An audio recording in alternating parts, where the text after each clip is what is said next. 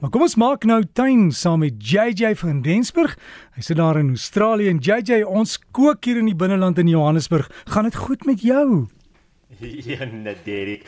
Dit is daar's is vandag wat ek bly is ek sit in saam met jou in daai ateljee of in daai dorp nie, want ek het gesien daar's is daarom lekker groot hittegolwe wat daar so oor die land beweeg. Ja, JJ, maar dit is 'n probleem vir mense wat probeer om die grasperk aan die gang te hou. Ons het nie baie water nie, so Hoe doen mense die potplante moet klein bietjie water kry? Dit is maar gietertyd, né?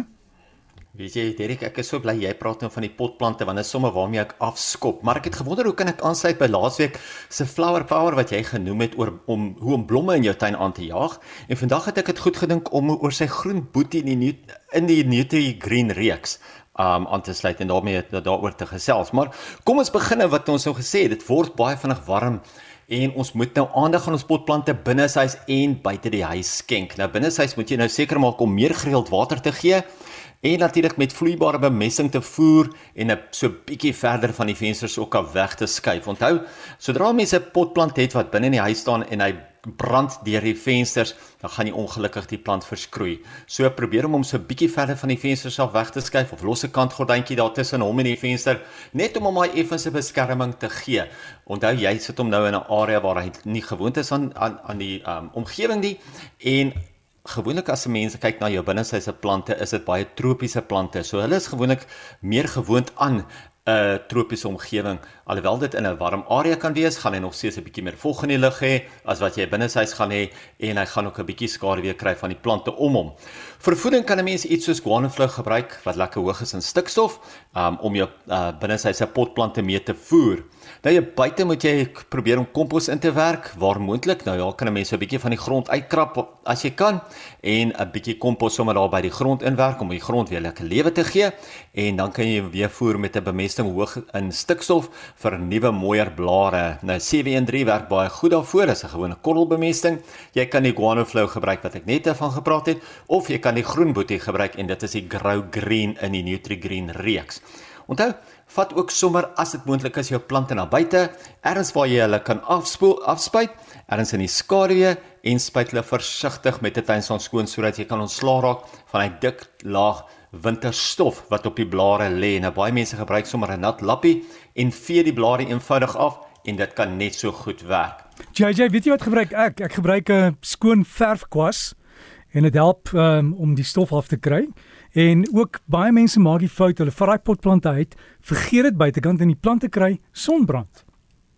Ja, hulle kry sonbrand. Ja, so dit is kom mense dit in die skaduwee moet probeer doen en dit jy binne binne sy vat of weer op hulle posisie gaan sit as jy klaar is, want tot hulle gaan nie gewoond wees aan die buitenshuis omgewing nie. Hulle gaan nie gewoond wees aan die son wat miskien nou in die skaduwee gaan jy gaan jy die plant neersit en oor 'n uur of 2 kry hy daai vol son en dan brand hy nie. So verkwas is eintlik 'n baie interessante enetjie Derek want baie plante word weer geprikkel sodra mens met 'n verfkwas oor hulle beweeg om te blom. En een van hulle wat natuurlik geprikkel word daardeur is die gewone African violets. So as jy African violets in jou tuin het of in jou huis het altens en hulle wil nie altyd vir jou blom nie, jy wil hom so 'n bietjie prikkel om beter te blom. Vat 'n poeierkwas of 'n verfkwas en vee hom bietjie oor die blare en dan prikkel jy hom ook om om te blom. So 'n interessante enetjie om nou net aan te sluit by jou verfkwas. Maar so terwyl ons nou praat van potplante, mens moet seker maak dat jy nie jou potplante te veel water gee nie en jou potte moet ook goed kan dreineer.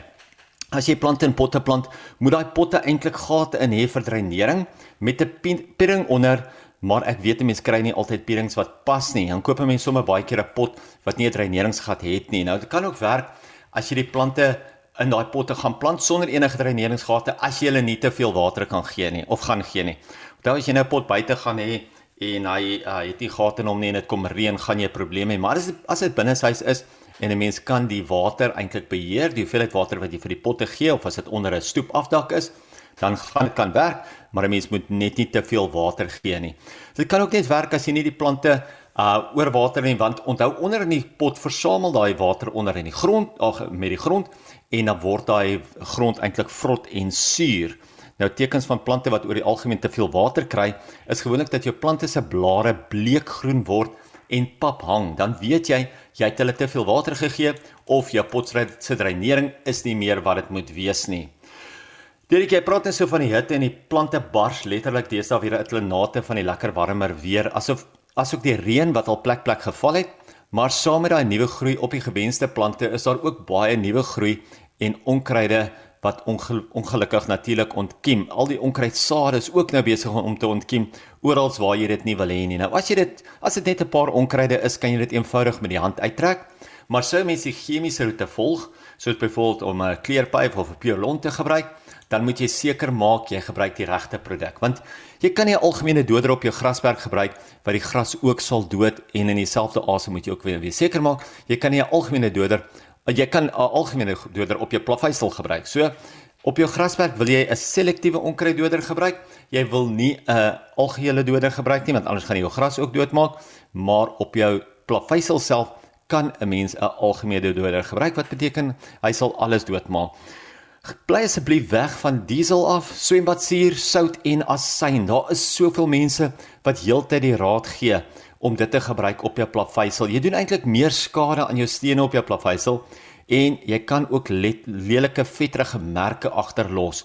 So probeer eerder om die regte produkte gebruik. Gebruik dit gewoonlik vroeg in die oggend, nie in die middel van die dag nie, want anders gaan alles te vinnig verdamp of jy gaan jou gras brand of um, ons gee nou nie om as ons die onkruide op die op die plaveisel brand nie.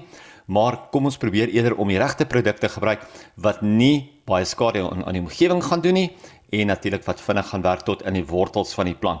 Baie van baie keer as 'n mens 'n uh, ander produk sou gebruik, brand 'n mens letterlik net die booggroei weg en of mens brand net die booggroei dood en dan kom die uh, onkruid weer uit en dan sit jy nog steeds met daai sterk wortelstelsel tussen die plaveisene waarmee jy eintlik om sukkel. So gaan kyk wie gaan vra by jou na so kyk kry of gaan loer op my Facebookblad. Ek sit sommer al die besonderhede vir ons daarso oor wat om te gebruik. Direk natuurlik ook met Lamakoland wat nou aan die blom is en dan die blom was nou al vir die laaste paar weke. Ehm uh, het ek gedink om bietjie te praat oor een van ons inheemse vygies wat 'n pragtige plant van die week kan wees. Nou, die plant van die week is die Delosperma, die Wheels of Wonder. Nou ek self is mal oor vygies en veral die bokbaai vygies, maar deesdae is daar 'n meerjarige vygie wie se blomme net soos die bokbaai vygie lyk, maar dis nie 'n bokbaai vygie nie. Blommetjies is baie kleiner as die bokbaai vygie, maar hy blom net so soveel soos wat die bokbaai vygie kan blom en hy is ook meerjarig. Dit is 'n laaggroeiende grondbedekker. Hy is gehard, hy is waterwys. Net soos al die ander vygies is hy ook mal oor die volson. Die laaste pluspunt natuurlik vir ons plant van die week is dat hulle 'n baie lang blomperiode het. So as jy kan, gaan vra 'n bietjie by die kwekery, hoe lyk julle Wheels of Wonders of die Wow vygies. Dis 'n pragtige klein Delosperma grondbedekkertjie. Wow, JJ, wow. Alles baie mooi net ek het gesien en en dankie vir al die inligting wat jy met ons deel. Dis op jou Facebook bladsy, uh Gardens by JJ.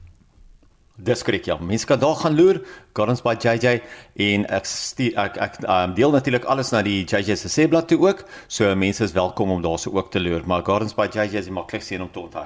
Ons so gesels ons met JJ van Rensburg. Lekker tuin maak, gaan hy ook kry, wys die foto en sê ek soek die een JJ het gesê ek moet hom koop en dan kan jy jou tuin geniet en sop maar vir die hitte vandag, hoor.